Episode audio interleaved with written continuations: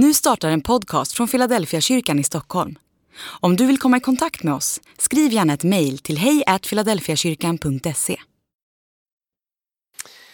Ibland när saker som man har köpt hänger upp sig och man måste försöka starta om dem eller felsöka dem så brukar jag leta fram instruktionsboken. Jag tillhör de här som struntar i instruktionsboken, jag bara försöker köra. Men när, när jag har liksom nått vägs ände då tänker jag att jag får gå tillbaka och titta på tillverkarens instruktioner.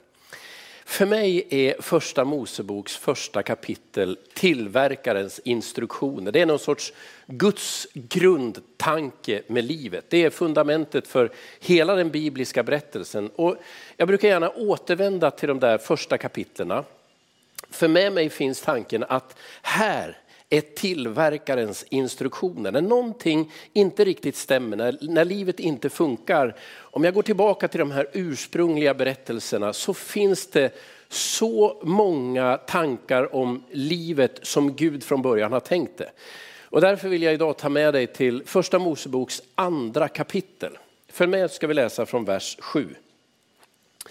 Då formade Herren Gud människan av jord från marken och blåste in liv genom hennes näsborrar så att hon blev en levande varelse.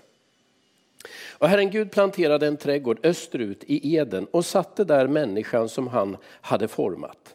Herren Gud lät alla slags träd växa upp ur marken, sådana som var ljuvliga att se på och goda att äta av. Mitt i trädgården stod livets träd och trädet som ger kunskap om gott och ont. En flod rinner upp i Eden och bevattnar trädgården. Sen delar den sig i fyra armar. Den första heter Fison, den flyter kring Havila, ett land där det finns guld. Guldet i det landet är fint och där finns också bedyliumharts och onyxsten. Den andra floden heter Gihon och den flyter kring Kush. Den tredje floden heter Tigris, den rinner öster om Assyrien. Den fjärde floden är Eufrat. Herren Gud tog människan och satte henne i Edens trädgård att bruka och vårda den. Herren Gud gav detta bud.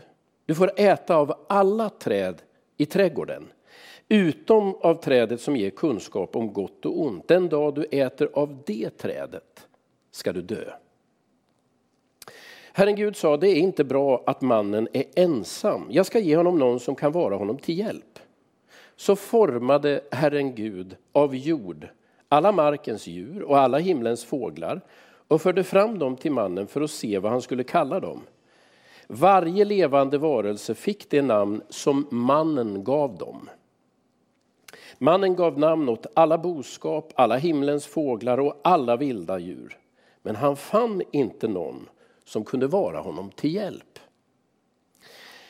Då försänkte Herren Gud mannen i dvala och när han sov tog Gud ett av hans revben och fyllde igen hålet med kött. Av revbenet som han hade tagit från mannen byggde Herren Gud en kvinna och förde fram henne till mannen. Då sa mannen, den här gången är det ben av mina ben, kött av mitt kött. Kvinna ska hon heta, av man är hon tagen. Det är därför en man lämnar sin far och sin mor för att leva med sin hustru och de blir ett. Den här texten är ju ganska förbryllande, åtminstone tycker jag det när jag läser den. Den är, den är så märklig. Rätt vad det är så står det om några floder. Två av dem kan vi identifiera. Det står om ett land som heter Kurs. Det står om ett land där det finns guld och det guldet är fint. Och sen står det om en trädgård som man nästan kan placera in rent geografiskt. Den ligger österut, någonstans vid Eufrat och Tigris. Hur ska man förstå den här berättelsen? Låt mig säga igen. Jag läser den här berättelsen som, som tillverkarens instruktion, skaparens grundtanke. Och det jag egentligen vill säga idag det är tre saker om vad det faktiskt betyder att vara människa. Och de tre sakerna det är att du för det första är skapad att stå i relation till Gud.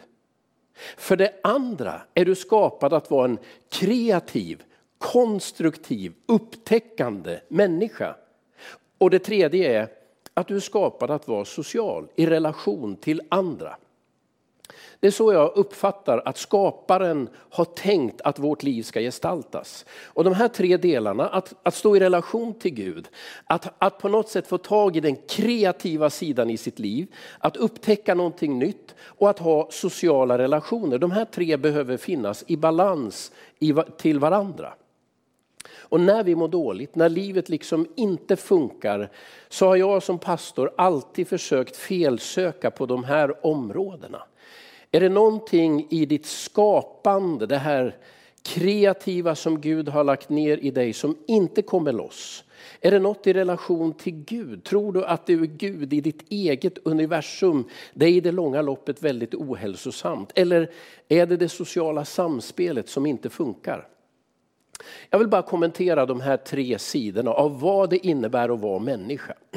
Det första, du är skapad att stå i relation till Gud. Och när jag läser den här berättelsen så är det ju två saker jag ser otroligt tydligt. För det första, att stå i relation till Gud betyder att världen är ingen byggsats som du ska få ihop efter bästa förmåga. Världen är en gåva skapad av Gud för din skull. Att stå i relation till Gud innebär att jag inte behöver forma mitt eget öde.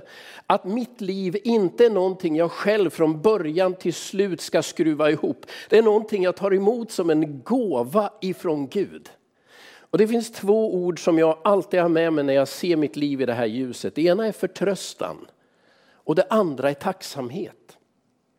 För det den här berättelsen säger med all önskvärd tydlighet är att Gud är i grunden god och han skapar någonting som är människovänligt och som tilltalar mina sinnen och som utmanar all min kreativa förmåga och som på något sätt maximerar det jag har lagt ner i mig.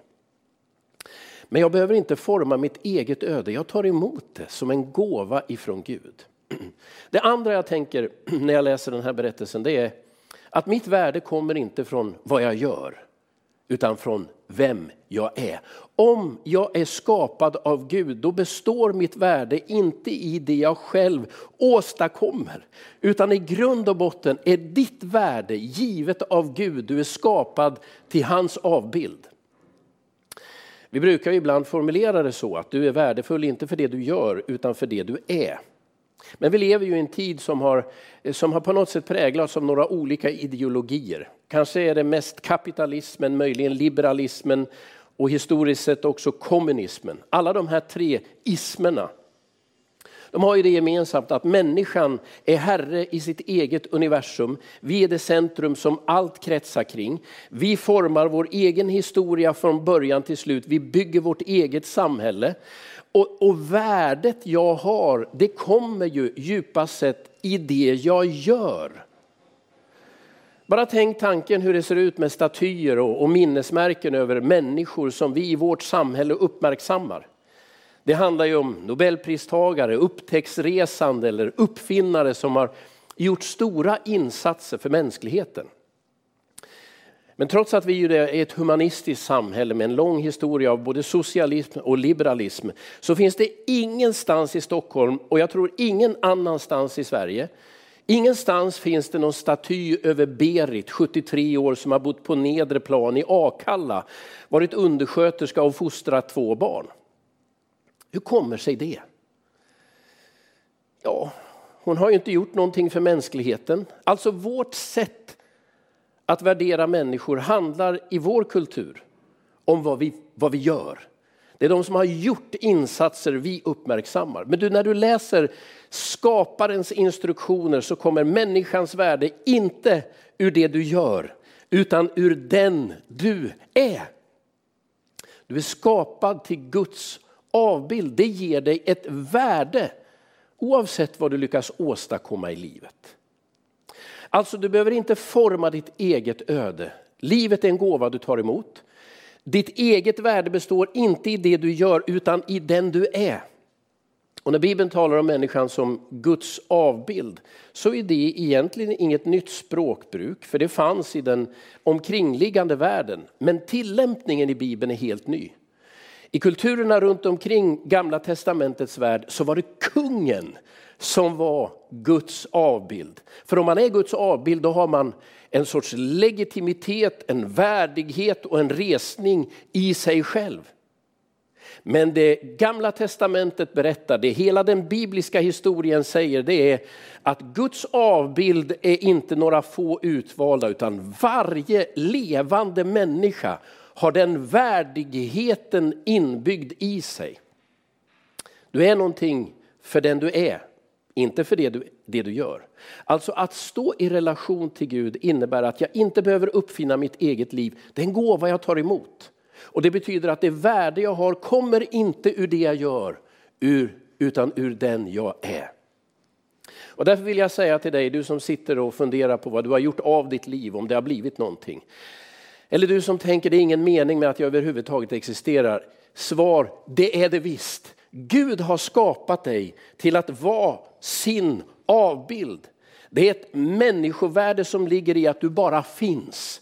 Du har en höghet, ett gudomligt ursprung, en gudomlig mening och ett gudomligt mål.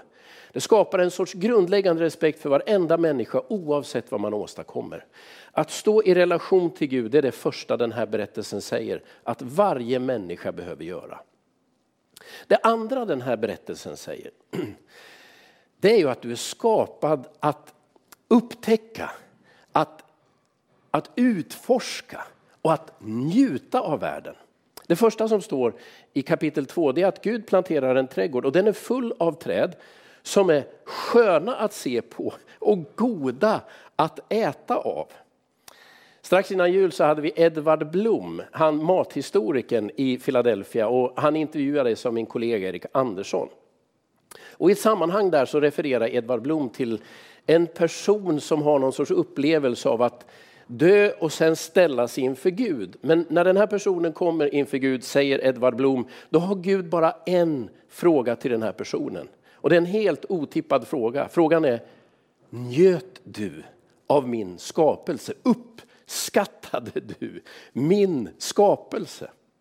Det är helt uppenbart att Gud planterar trädgården, skapar hela den här världen för att locka fram våra sinnen, våran, våran möjlighet att, att njuta av någonting, att bli betagen av någonting, att uppleva någonting.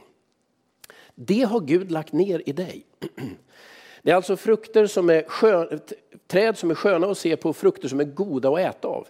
Vi lever ju i en tid när allt ska vara nyttigt och praktiskt. Men det Bibeln säger är att nej, det är vackert och det är gott. Så har Gud skapat det. Sen kommer ju den där märkliga beskrivningen om länderna runt omkring. Om något land där, där det finns guld och bedyliumharts. När man läser det här så funderar man på varför, varför, varför beskrivs det här? Och guldet i det landet var väldigt fint. Ja, men det är helt uppenbart att den där trädgården där Adam och Eva får börja sina liv, det är inte tänkt som någon sorts inhägnad där de ska leva resten av sina liv. Det är helt uppenbart i den här berättelsen att Gud har skapat världen för att människan ska upptäcka den. När jag läser om den här första människan så tänker jag ju på många av de unga vuxna som jag pratar med som står liksom på tröskeln till livet. Och jag inser att det är ytterst få, idag i alla fall, vars dröm är att stå vid ett löpande band eller att varje dag genomföra exakt samma monotona uppgifter. Det de flesta unga vuxna säger är att Nej, men jag vill upptäcka nya saker, jag vill göra skillnad, jag vill vara kreativ och skapande. Låt mig säga direkt, det är precis vad Bibeln säger att du är skapad till. Gud har gett dig sinnen att uppskatta och njuta av världen. Gud har skapat en hel värld som du ska upptäcka. Och så står det om Adam att han får ge namn till alla djuren. Det där är ju en märklig berättelse. Men när man läser hela skapelseberättelsen så inser man att det är ju Gud som i skapelsens början namnger alla olika saker. Men så kommer den där dagen då Gud liksom träder tillbaka och puttar fram Adam och så säger han till Adam, nu är du min ställföreträdare. Du får ta den uppgift som är min och ge namn åt alla djur.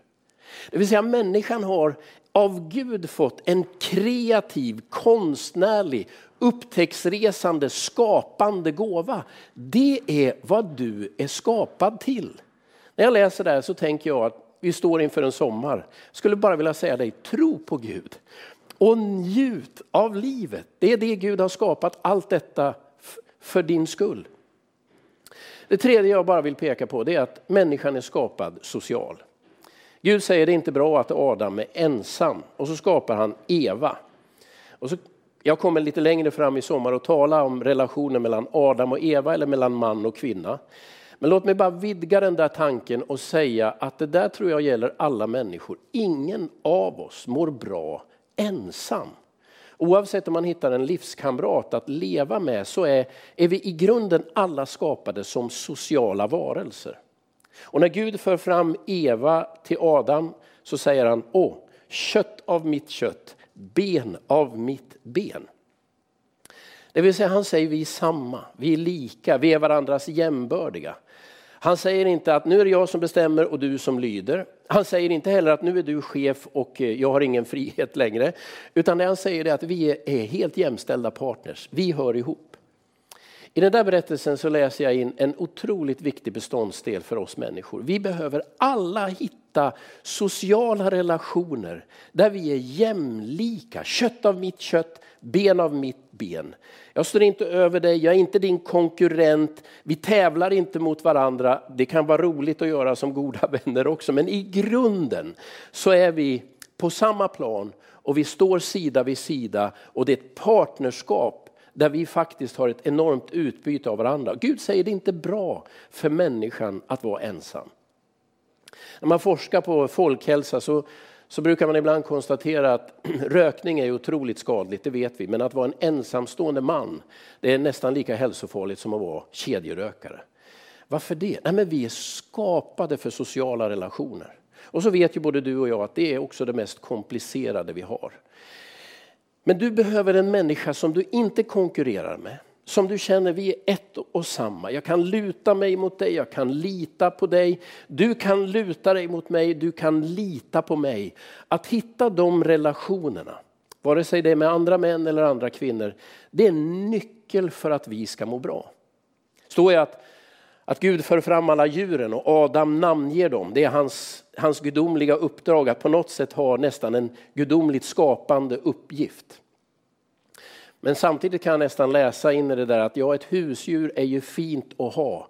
Men det räcker inte. Och nu tillhör jag dem som, vi har ju två hundar hemma, jag älskar hundar. Men jag inser i den tid vi lever nu då allt fler väljer bort en medmänsklig relation och hellre väljer ett husdjur, att det räcker inte. Du är skapad för att ha en annan människa, kött av mitt kött, ben av mitt ben vid din sida i din närhet som du kan luta dig mot, lita på och som kan luta sig mot dig och lita på dig. De här tre sidorna. Att faktiskt stå i relation till Gud. Att se att jag har en kreativ, skapande, gudomlig gåva. Jag är skapad, upptäcktsresande, skapare. Jag har någonting som behöver förlösas i mig.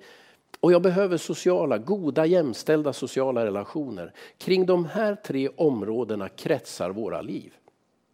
Och du som nu sitter hemma och lyssnar och tänker, jag mår inte riktigt bra. Kanske är det någonstans på de här tre områdena du behöver fundera på om, om du ska hitta balansen. Om du sitter hemma och tänker jag har ett värdelöst jobb, det är tråkigt och monotont. Ja, men det finns andra områden i livet där du kanske kan få kliva in och vara skapare. Att vara med och upptäcka någonting, vara med och utvidga någon sorts territorium. Jobba med unga människor, jobba med människor som behöver ditt stöd. Ge, lär dig spela gitarr, lär dig ett nytt språk. Våga ta dina kreativa gåvor i anspråk. Gud har lagt ner det i dig. Eller också är det den andliga frågan. Vi lever i ett universum idag, eller i en värld idag, där vi själva är centrum i universum. Det är i grunden djupt ohälsosamt. Initialt känns det lockande, jag bestämmer allting själv. Långsiktigt katastrofalt. Livet är ingen, ingen, inget pussel jag själv måste lägga, det är en gåva jag tar emot. Förtröstan är min, min grundhållning. Jag vet inte allt, kan inte allt, men jag litar på att en god Gud håller mig i sina händer. Eller också är det en social relation du behöver satsa på. På något sätt våga utlämna dig själv till en annan. och ta emot andra människor som söker ditt förtroende. De här tre områdena är vi människor skapade till och ett helt liv behöver finnas där.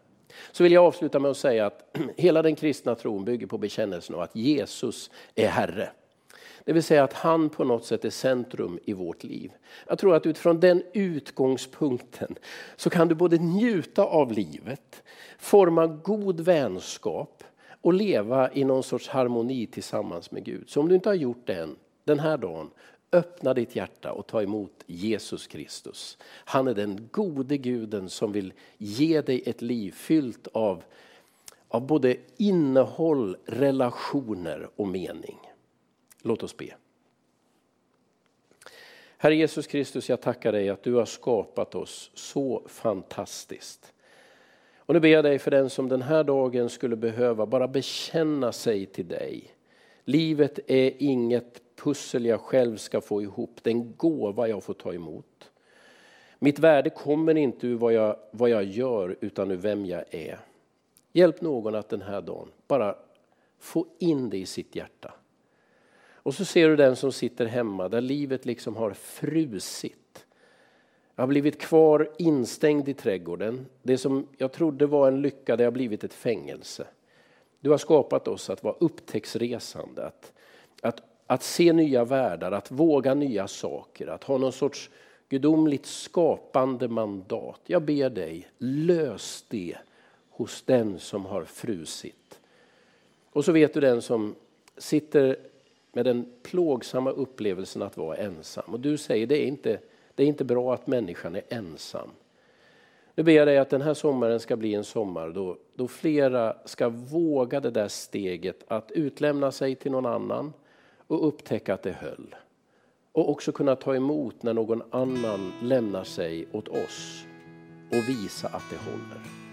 Tack för att du har skapat oss så fantastiskt. Amen.